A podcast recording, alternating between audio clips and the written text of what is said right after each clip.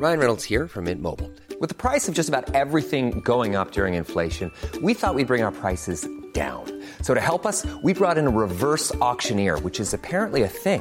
Mint Mobile unlimited premium wireless. Ready to get 30, 30, bit to get 30, bit to get 20, 20, 20, bit to get 20, 20, bit to get 15, 15, 15, 15 just 15 bucks a month. So, Give it a try at mintmobile.com slash switch. $45 upfront for three months plus taxes and fees. Promo for new customers for limited time. Unlimited more than 40 gigabytes per month. Slows. Full terms at mintmobile.com. Everyone knows therapy is great for solving problems, but getting therapy has its own problems too, like finding the right therapist, fitting into their schedule, and of course, the cost. Well, BetterHelp can solve those problems. It's totally online and built around your schedule. It's surprisingly affordable too. Connect with a credentialed therapist by phone, video, or online chat, all from the comfort of your home. Visit betterhelp.com to learn more and save 10% on your first month. That's BetterHelp, H E L P. Det här avsnittet är sponsrat av Prime Crime, appen med tusentals svenska rättegångar. Dessutom läggs minst tio nya rättegångar till varje vecka året runt. En rättegång som berörde mig det är taximordet i Enköping. En eh, 26-årig taxichaufför som luras ut till ett naturreservat och eh, blev hängd i ett träd. Och det är fem ungdomar som döms. En 16-årig flicka och fyra unga bröder. En rättegång jag tyckte var väldigt fascinerande var föräldrar tvingade sin dotter att dricka ättika. Så otroligt galet. Prime Crime erbjuder även en tre dagars gratis provperiod. Och skulle du välja att bli prenumerant så erbjuder de antingen månadsbetalning för 99 kronor i månaden eller ett reducerat pris på två månader vid årsbetalning. Du kan avsluta när du vill. Tack Prime Crime. Tack så mycket Prime Crime.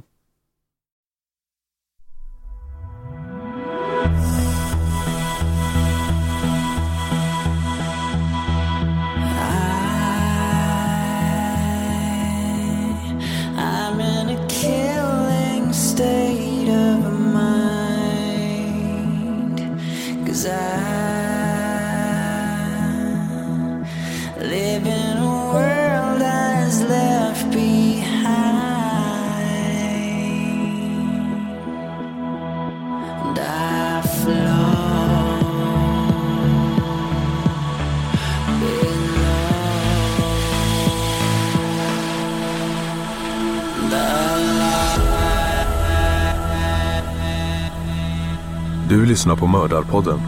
En podcast av Dan Hörning och Josefin Måhlén. Intro och bakgrundsmusik görs av Erik Segerstedt.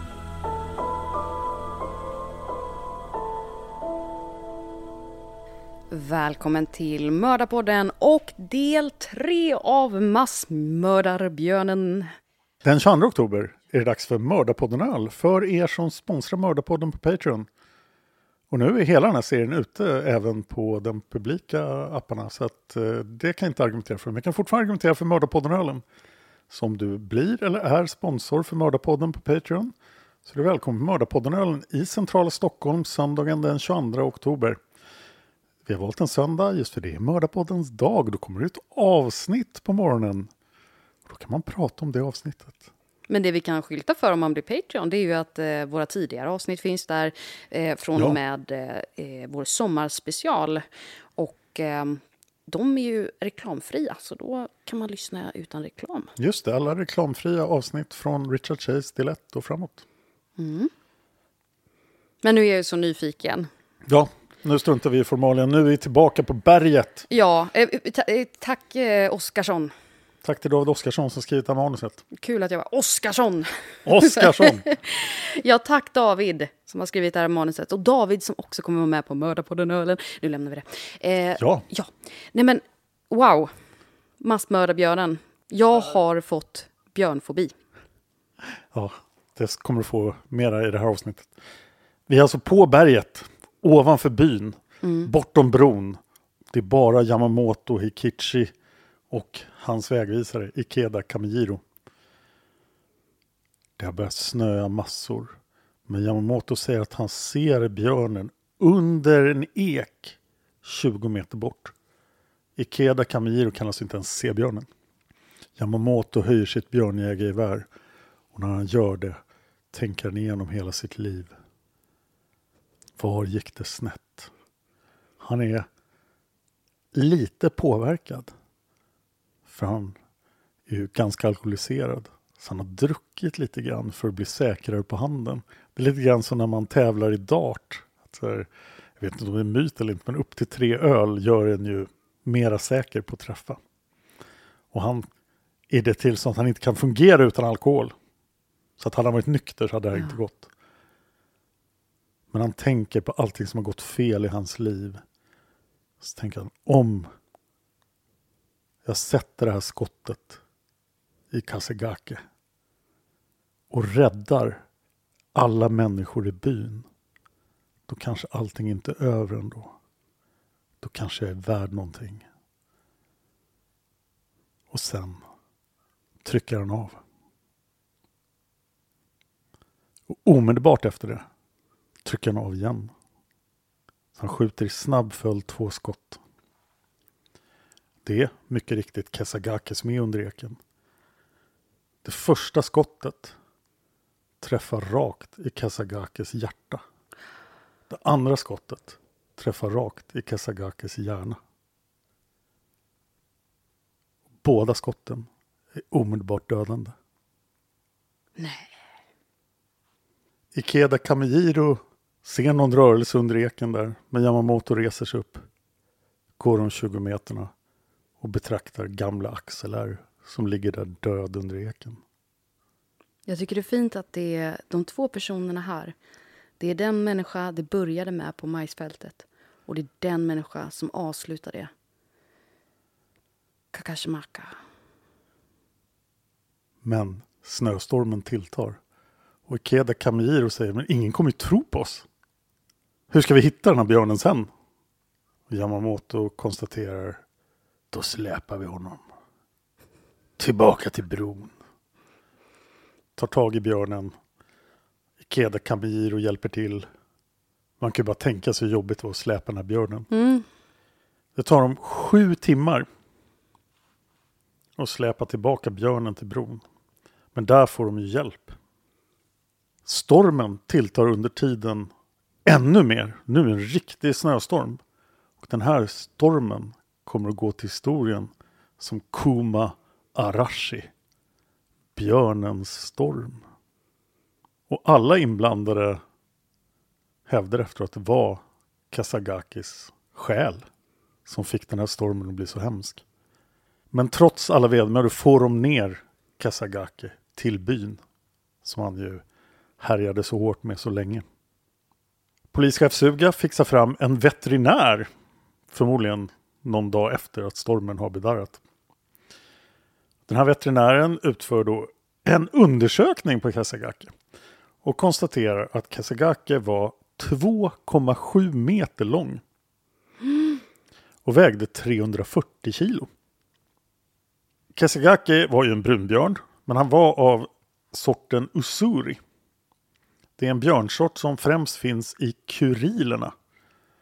Det är en ögrupp som Hokkaido ingår i. Det är även, de går även upp mot Ryssland, mot Kamchatkahalvön. Och det är de här öarna som Ryssland och Japan bråkar om. Det finns även i eh, Kina. Usuribjörnen kallas också för rysk grizzly. Eller svart grizzlybjörn. Eller esobjörn. Men det är alltså en brunbjörn, inte en grizzlybjörn och det är inte en svartbjörn heller. Men de tenderar att vara väldigt svarta i färgen. De kan bli uppemot 400 kilo och större. Men det är frågan om när de eh, vägde Kasagaki, om han hade börjat förmultna eller om han helt enkelt var utsvulten. För 2,7 meter är maxlängden. Mm. Så han borde ha vägt mycket mer, men det gjorde han inte. Jag tyckte att han var lite... eh, Alltså att han borde ha vägt mer. När man sen eh, öppnade Kasagakis mage så hittade man rester av människor. Mm. Av alla de offer han hade ätit av. Så det var väldigt tydligt att det här var en björn som hade utfört allting och det var Kasagaki. Och de kunde även konstatera att de hade ett stort ärr på axeln. Och det ärret förmodligen var från ett skott tidigare som en björnjägare, kanske Yamamoto, hade skjutit på honom tidigare. Och det verkar som att han faktiskt hade dödat tre kvinnor tidigare, men det ska jag prata lite mer om sen. Man bevarade pälsen, man tog hand om pälsen från Kasagaki och man tog även hand om hans kranium. Men idag vet man inte var de är någonstans. Men de är bevarade. Mm. Den här gruppen då, som, som måste ha varit en del av det här i alla fall, Matakati, Ja, Vinterjägarna. ja, Vinterjägarna ja. Ja, Alltså, de, de var inblandade här. Hur var deras tro om den här björnen? För jag menar, en gud som har Ja, tappat... de vill ju äta, de vill ju äta honom nu. Men eh, myndigheterna tillät inte det. Nej. Utan det var veterinären och så här, inga gamla ritualer på honom. Tillät inte polischefen. Umekichi, den här spädbarnet som Yayo bar omkring på. Han dog bara tre år efter händelsen. Så det är möjligt att han fick skador som han inte kunde återhämta sig från. Så här inre blödning eller något inre brott på något sätt. Som tog livet av honom. Han dog väldigt ung. Men vet man om om det hade med eh, björnen Nej, För att det, det vet man ju inte. också barndödligheten 1915 var ju... Ja, 1918 då, men han dog 1918. Och vi vet inte varför. Vakten Odo, han som gömde sig bakom en möbel in i huset och lyckades överleva. Den japanska kaktusen. Ja, precis. Året efter den här händelsen så föll han ner i en flod och drunknade. Nej, men, Helt orelaterat, han dog Otursbjörn. 1916. När det här hände fanns det en pojke i Sankebetsu Rokusensawa som var sju år gammal. Han hette Okawa Haruyoshi. Han var sju år gammal när allt det hände. Han har alltså varit med i hela händelsen. Han gömde sig i huset tillsammans med alla andra. Han såg när patrullen gick iväg. Han såg den här legendariska björnjägaren. Han såg när de kom tillbaka med den här jättestora björnen som hade dödat så många människor. Och det var någonting som hände med honom. Så han stod där, Okawa Haruyoshi, sju år gammal, och tittade på Kasagakis lik. Och så sa han till Kasagake. För varje människa du dödade i min by ska jag döda tio björnar. Och nu skulle det varit coolt om han hade blivit lärling hos Yamamoto. Mm, ja. här, Men jag tror Yamamoto var för gammal och han var för ung. Men han bestämde sig där och då, sju år gammal, för att bli en björnjägare. Och han blev en lika stor björnjägarlegend som Yamamoto. Nej. 1977 hade Okawa Haruyoshi dödat 102 björnar. Och sen vidtog japanska staten åtgärder för då började björnen bli utrotningshotad. Okawa gick sen i pension. Han var då alltså långt över 60. Och när han gick i pension och han hade dödat tio björnar för varje av Kasagakes offer så uppförde han ett monument för offren för Kasagake. Så det finns ett monument än idag som den här sjuåringen till slut byggde efter att han hade dödat 102 björnar. Hur gick det då för Sankebetsu Rokusensawa? Hur gick det för byn? Efter den här händelsen så hade byborna ett tillmöte där alla kom överens om att skita i det här. De tänkte inte bo där. Det var för mycket traumatiska minnen. De hade ingen aning om hur mycket björnar det fanns ute i skogen. Det kanske kom en till Kasagake nästa år. Så alla flyttade därifrån. Hela byn. Ja, och byn blev en spökstad. Den var ju ganska ny. Och de hade ju flyttat dit lite för att testa om det gick att bo där. Och det här var ett ganska tydligt tecken på att det inte gick att bo där. Ja, det får man väl ändå ge dem. Att de, de var inte lättskrämda. Nej, om man är 15 hushåll och det här händer. Jag har varit lite grann i en by som heter Offne vid Storsjön. Jag tror den är 10 hushåll. Om då det kom en björn och åt upp två familjer där, då tror jag folk skulle flytta därifrån också. Då är den stora frågan, hur många människor mördade Kasagake? Hur många offer har massmördarbjörnen? Det är en ganska svår fråga faktiskt. Wikipedia på engelska har fått för sig att det är nio offer. Det är den officiella siffran på Wikipedia. En annan vanligt förekommande siffra, till exempel en artikel i The Guardian 2016, är 7. 7 eller 9, ganska stor skillnad. Så det här måste vi reda ut nu. Ja, eh, kvinn, den gravida kvinnan och hennes eh, barn som inte var fött än. Ja, men de var inte först. Nej, Men eh, det stämmer. Take och eh, hennes ofödda barn. den som var först var väl ändå kvinnan och eh, barnet, och- alltså barnvakten och, och barnet. Abemayo och bebisen Hasumi Mikio som hon hade på ryggen, båda dog. De var de första som dog. Ja. Och sen har vi ju Då har vi fyra offer. syskonen. Just det, Kinzo Haruyoshi. Mm. Har vi sex offer. Han som gömde sig bakom den japanska... Nej! Han han, klarar dog, sig. han klarade sig. Men sen var ju då den där eh, spädbarnet som dog när han var tre. Som kanske dog av skador. Om man ska räkna honom så är vi uppe i sju. Ja, och så, och så var det ju en grannpojke där som tittade in. Ja, han överlevde. Överlevde han? Ja, han klarade sig. Det var ju hans mamma som räddade honom. Var hon som dog då hon såg gravid. Just det, så Mm. var det. har vi sju offer. Ja, då blir det. Om vi räknar med han som dog efter tre år. Men sen har vi också de här tre stycken kvinnorna. ja, Som ja. hade dött tidigare. Ja. De har ju alltså inga källor på.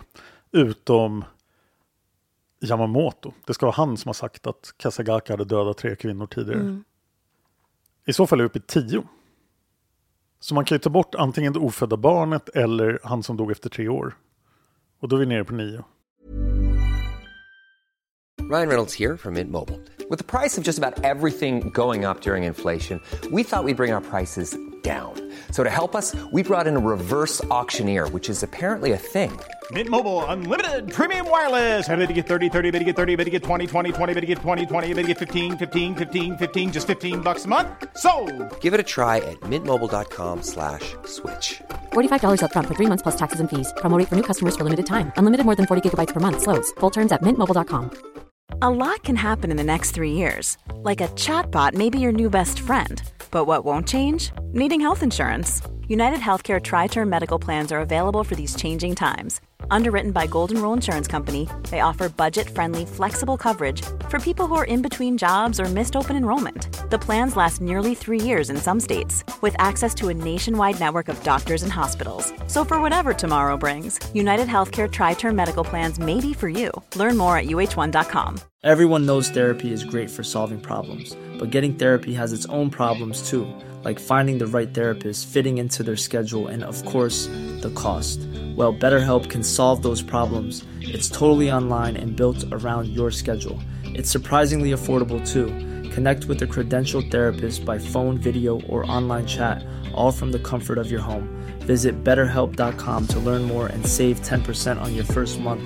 That's BetterHelp, H E L P. Det här blev ju ganska fort en legend. Folk flyttade därifrån. Och de ville inte så gärna prata om sina hemska upplevelser. Och 1961, alltså 46 år senare, så var det en forskare som jobbade för skogsförvaltningen. Hokkaido skogsförvaltning, inte den kejserliga skogsförvaltningen. Nej. Som började undra hur mycket egentligen sanning i den här historien. För det här hade ju växt en jättelegend om massmördarbjörnen Kasagake. Så han bestämde sig för att avsätta resurser för att forska i det här. Och kom fram till att det fanns inte särskilt mycket officiellt material kvar. Det hade ju också, vi har passerat andra världskriget och japanska regimen hade störtats. Man får ju hoppas att de inte hade det officiella arkivet i Hiroshima eller Nagasaki Nej. för då blev det inget bra. Eller i Tokyo för den delen. Men det var ju förmodligen på Hokkaido någonstans.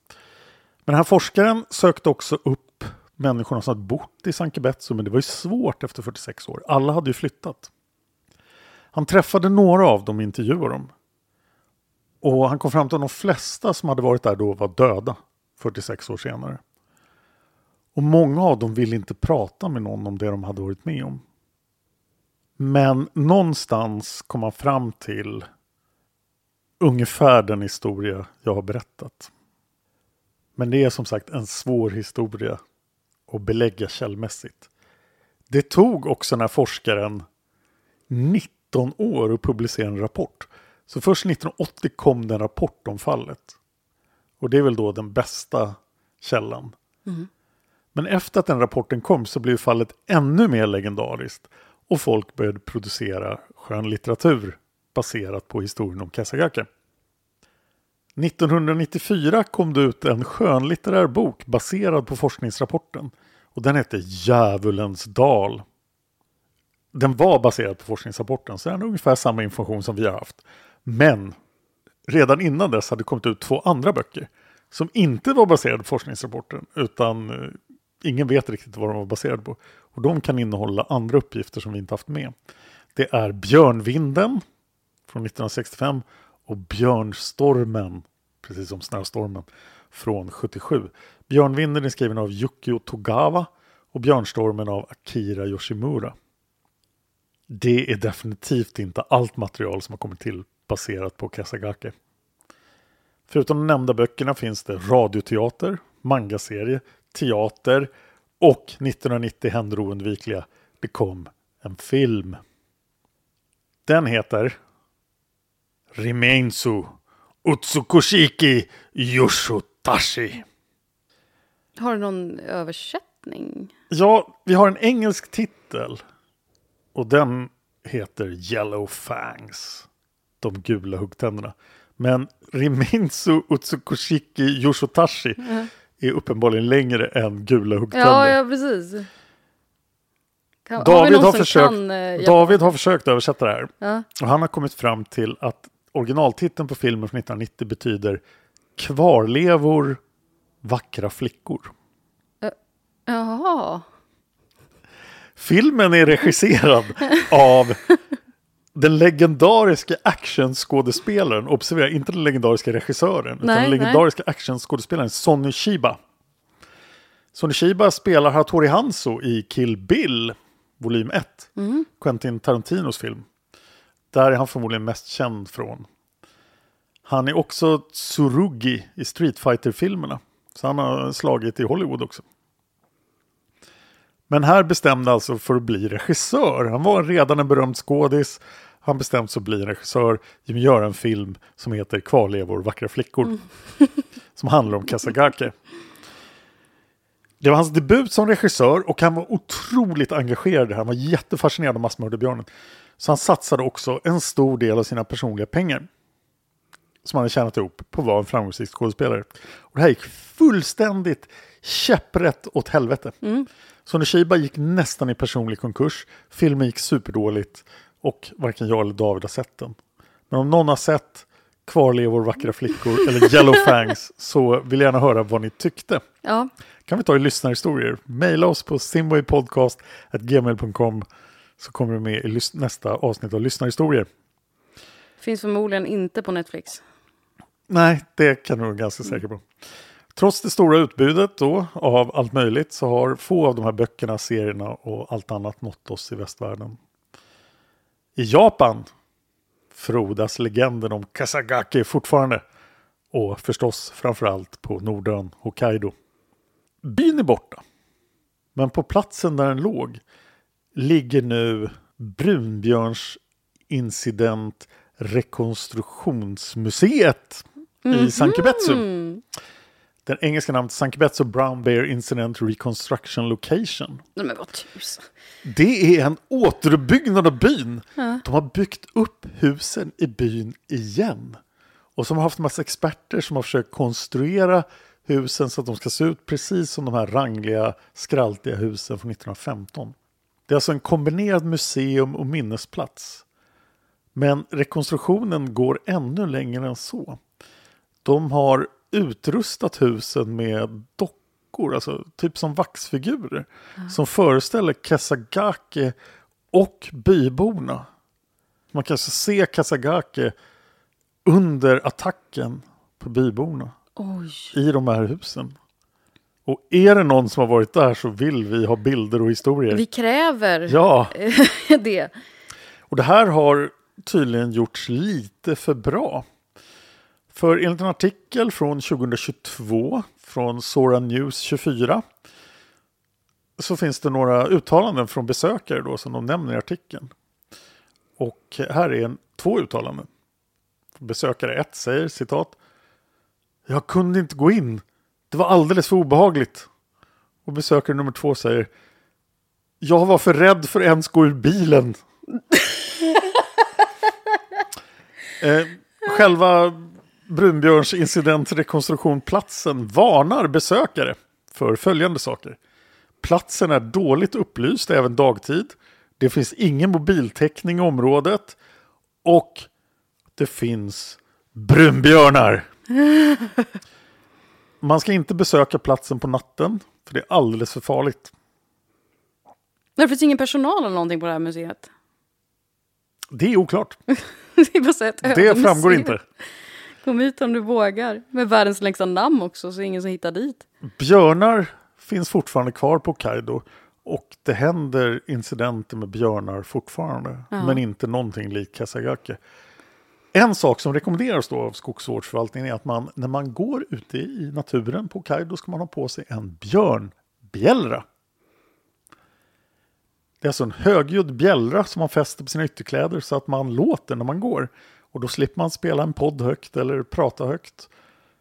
Men det är ju som sagt en bra metod att hantera björnar, att låta mycket, för då kommer björnarna att tycka det är obehagligt att gå därifrån. Mm. För de vill ju inte ha kontakt med människor, om de inte nu är en människoätande demonbjörn som Kasagake.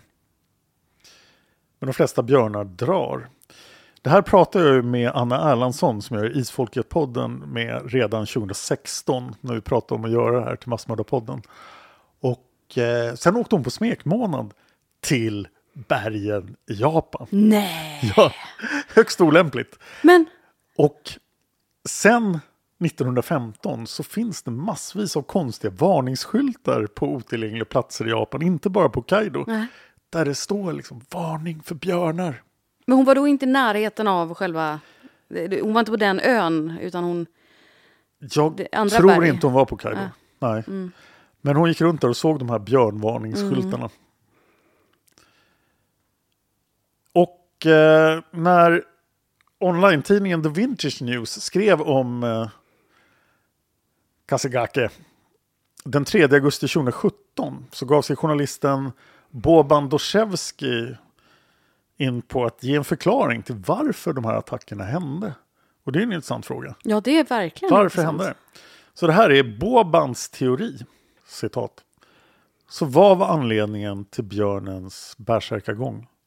Många tror att björnen vaknade ur sitt ide i förtid på grund av hunger, vilket antagligen gjorde den extra aggressiv. Ett annat problem som har identifierats är skogsskövlingen i området 1915. En process som förde björnar och människor närmare varandra. Skogsskövling leder till att björnens naturliga födokällor försvinner eller minskar, vilket får dem att börja leta efter mat i mänsklig bebyggelse. Det är dock viktigt att komma ihåg att det inte är ett naturligt beteende för björnar att jaga och döda människor. Även om det alltid är tragiskt attackerar björnar endast människor när de är i vägen för deras mat eller om de utgör hot mot deras ungar. Slut citat. Så där fick vi in lite miljöbudskap i Mördarpodden också. Mm. Bevara björnens naturliga habitat. Mm. För annars kommer björnarna ut ur skogen och massmördar oss. Ja. Eller var kanske inte riktigt miljövänligt. Ja. Dessutom kan man ju fundera över att Kasagake kom alltså till huset där han stal majs först. Och då blir han skjuten. Och vi vet ju att sårade björnar blir mer aggressiva. Mm. Så att om de inte hade skjutit Kasagake där i början så kanske det här inte hade hänt. Japaner har en helt annan bild av björnar än vad vi har i Sverige. Vi kan ju vara lite rädda för vargen. Vargen har Mm. haft en stark plats i vår folktro. Det har ju björnen också, men vi är ändå lite mer besatta av vargen. Det är nu över 150 år sedan någon blev dödad av en varg i Sverige. Men folk blir dödade av björnar. Ändå är vi mycket, mycket räddare för vargen. Dessutom finns det många fler björnar än vargar i Sverige. Men björnar tenderar att smyga runt i skogen och hålla sig borta. Mm. En vargflock märks på ett helt annat sätt. I Japan är det precis tvärtom. Synen på björnar som människoätare har ett starkt fäste i Japan. Vi har ju eh, i gamla folktron i Sverige har vi andra ord på vargar för att slippa säga varg. Men i Japan är det precis tvärtom, för det, det är björnar de har de här orden för. Så kallade Noa-ord. Dessutom pratar japaner gärna om demonbjörnar. Onikumas. Det är en del av yokai-mytologin som behandlar andar och spöken. Folktron i Japan säger att när en björn blir tillräckligt gammal så kan den förvandlas till en demonbjörn. En onikuma. Och det finns säkert någon som tror att det var det som hände här med Kasagake. En demonbjörn har flera egenskaper som vanliga björnar inte har. Den kan lyfta gigantiska stenar. Den är mycket starkare än en vanlig björn. Den kan bli osynlig. Gå genom väggar. Döda små djur bara genom att titta på dem. Äta med pinnar. Och ta sig in på människors gårdar. Där gick de för långt. Äta med pinnar. Det var jag som la in det, jag ska bara se om jag var vaken. Det är ett skämt från filmen Ninjas slåss aldrig rent. Som ingen av er som lyssnar någonsin kommer få titta på. Men Nej. det är en uh, kampsportfilm som jag medverkade i en gång i tiden. Och, och där... Där, eh, där jag spelar en ledare för Ninja-klan. Som just beskriver alla konstiga saker som han kan göra som ninjaledare. Och en av sakerna han kan göra mitt i eh, bli osynlig, gå genom väggar, så kommer äta med pinnar. Jag vill se den filmen. En dag, En dag. en dag. Vi kan se den när vi firar 500 avsnitt. Okej, yay. Yeah. Det är ganska snart. Ändå. Om man Ja, tänker, det är om vi liksom, kör vidare den här takten. Ja. Ja, jag är inte klar än. Nej.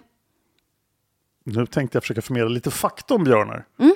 Ni behöver inte vara rädda för Kasagaki, för han är död. Men hur rädd ska man egentligen vara för björnar? ja, det undrar jag nu kan jag säga. Och World Animal Foundation ger oss de eh, mest intressanta björnfaktorna för 2023. De säger det är ungefär 40 björnattacker på människor i hela världen varje år. Det var inte många. Det är fler än hajattacker. Ja, vad ligger de på då? 30 är en siffra jag har hört. Men det är alltså attacker, inte dödliga attacker. Nej.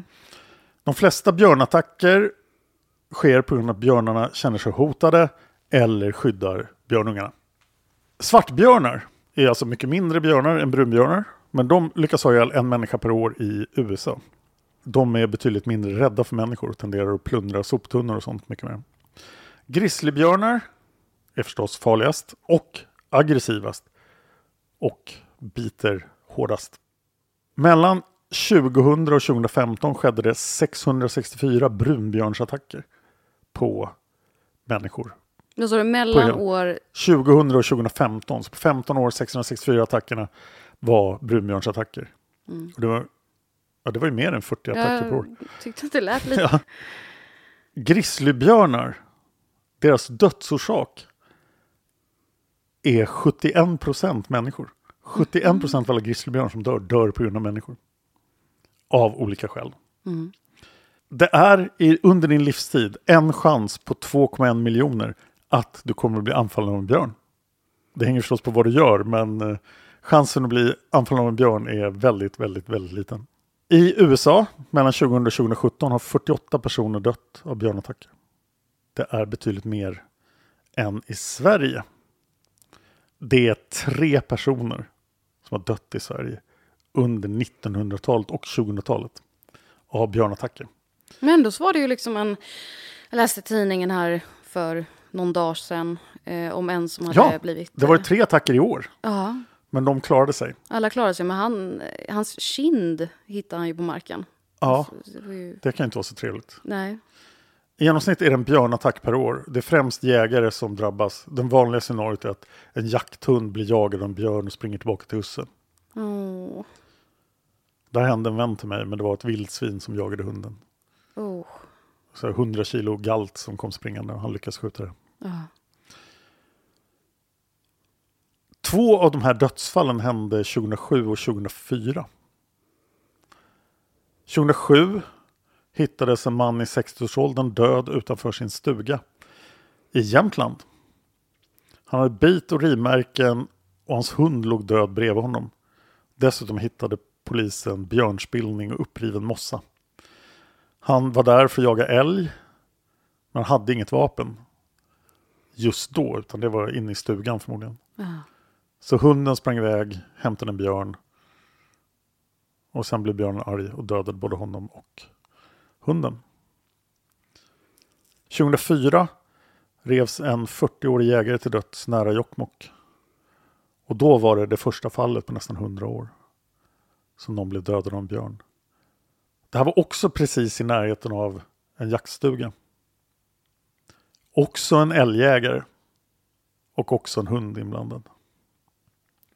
Så eh, om ni är ute och jagar så var försiktig med våra hundar. Kommer tillbaka med.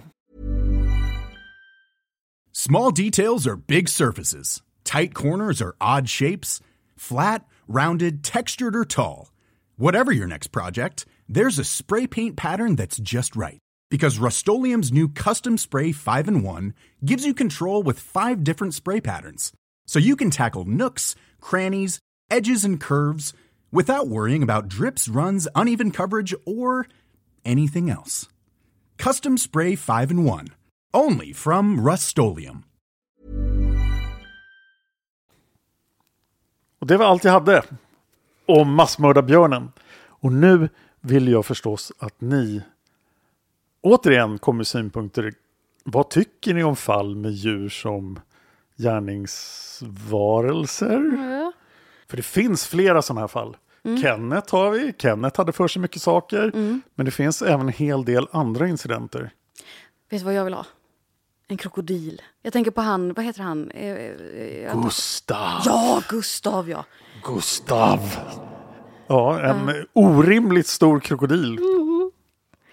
Och det vet jag att jag har fått önskemål om just Gustav Oh. från lyssnare. Ja. Så det skulle kunna vara något. får- Källorna verkar ungefär i den här kvaliteten. Ja. Men det finns ju faktiskt en, någon slags dokumentär om honom också. ja. Men han känns stor som en mindre ubåt. Och ja, det, det skulle kunna vara spännande. Det finns ju en orm också, men jag vet inte riktigt om den... Nej. Den är kanske bara... Sörväs. Nej. ja, det hade kunnat bli. Eh, nej, men alltså, finns någon så här jättestor orm? Fast det det är en spelfilm också. Eller, det är en spelfilm, så jag vet inte riktigt om den är baserad på verklig händelse. Men jag vill också ha. Anaconda med Jennifer Lopez. Ja. Den kanske inte... Jag tror inte den är baserad på en riktig händelse. Nej. Men vi har ju Tillikum, Mm. seriemördar-späckhuggaren. Ja, den, ja. Mm. Det finns så mycket fall där djur är, eh, Mm. har ihjäl oss. Ja, och så blir man ju så här med skuld och sånt. Alltså... Ja, onödigt kan jag tycka, den här björnen. Men Ja. man, man blir ju inte lika förbannad om det har varit en människa. Det är otroligt att något sånt här händer och att det händer en gång och sen inte händer igen. Ja, För det är ju björnar som tar sig in i folks hem och isbjörnen kan göra så. Men Mm. de är ovana vid människors hem överhuvudtaget. isbjörnar är så... Oh, gud, de är så läskiga. Isbjörnar är jätte, jätteläskiga. Men vackra, men läskiga. Väldigt läskiga. Vad finns det mer? Spindlar? Spindelincidenten i Säffle 1923. Massmördarspindeln. Massmördare. Ja, men eh, vad tycker ni? Säg vad ni tycker på Instagram, på Mordapodden, eller mejla oss på simwaypodcast.gmail.com, simway med z. Vi vill ju också ha in era historier om mord till den mejladressen, Ja. simwaypodcast.gmail.com. Det kommer snart ett till avsnitt av lyssnarhistorier, för ni har skickat in era historier. Och tack för det. Tack så mycket för det. Och inte för att jag vill eh, att vi ska ta upp eh, någon vargfråga här och bli hatade eller älskade. Ja, det finns mycket intressanta vargar. Ja, men jag tänkte på det du sa om att det inte har dött någon människa på 150 år av vargar. Men då är det fria vargar ute i det fria. För jag tänker på den här Kolmården ex, eh, Just det, då menar jag förstås vargar i Ja. vildmarken. Men den vargen som faktiskt dödade folk, flera personer, seriemördarvargen Alltså, på 1800-talet, den eh, var inte riktigt vild, men den skulle vi kunna prata om. den vill jag verkligen höra om. Gysingevargen. Ja, den, den tycker jag vi ska prata om. Mm. Men eh, det första jag siktar på är Kenneth igen. Ja. Han, vi har mycket osagt om Kenneth. Undrar vad Kenneth och eh, Kamish... Yamamoto. Yamamoto, eh, Yamamoto skulle tycka om varandra. Ja, de är inte riktigt samtida. Kenneth-berättelsen var ju från 50-talet. Mm. Så att han är betydligt yngre än Yamamoto.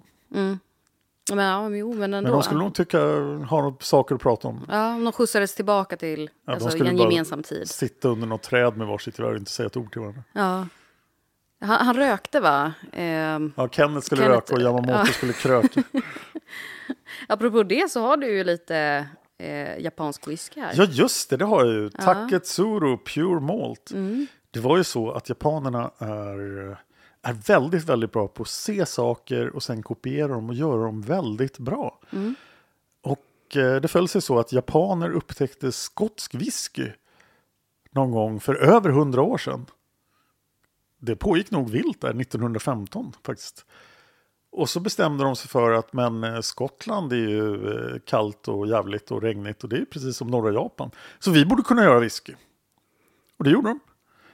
Och de blev väldigt, väldigt bra på whisky. Så jag gillar japansk whisky. Ooh.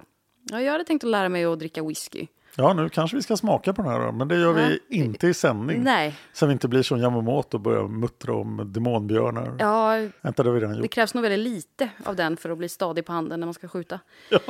Och, och lätt att det slår fel. Se två björnar helt plötsligt. Ja, frågan om Yamamoto kanske var full på whisky, men jag skulle gissa att det var sake istället. Ja, vi tackar den här historien. Tack David Oskarsson och tack Dan Hörning som har bjudit oss på denna björn. Ja, sju år har jag gått och hållit på den här historien, Ja. så nu är jag glad att den kom ut. Det var därför du var så taggad. Jag förstår dig. Liksom, du nästan drog in mig i lägenheten här. Men jag har ett annat fall på gång som jag är lika taggad för. Oh. Ett fall som jag inte har berättat någonting för dig om, så att du ska bli överraskad. Jag är Så jag kommer att taggad. vara väldigt hemlighetsfull. Ja. Men först från Kremers, Ja. vårt halloween-avsnitt, ett avsnitt lyssnarhistorier Mm. och så kanske ett barn under en säng. ja. Vi ses i nästa avsnitt. Ett vrål av en björn.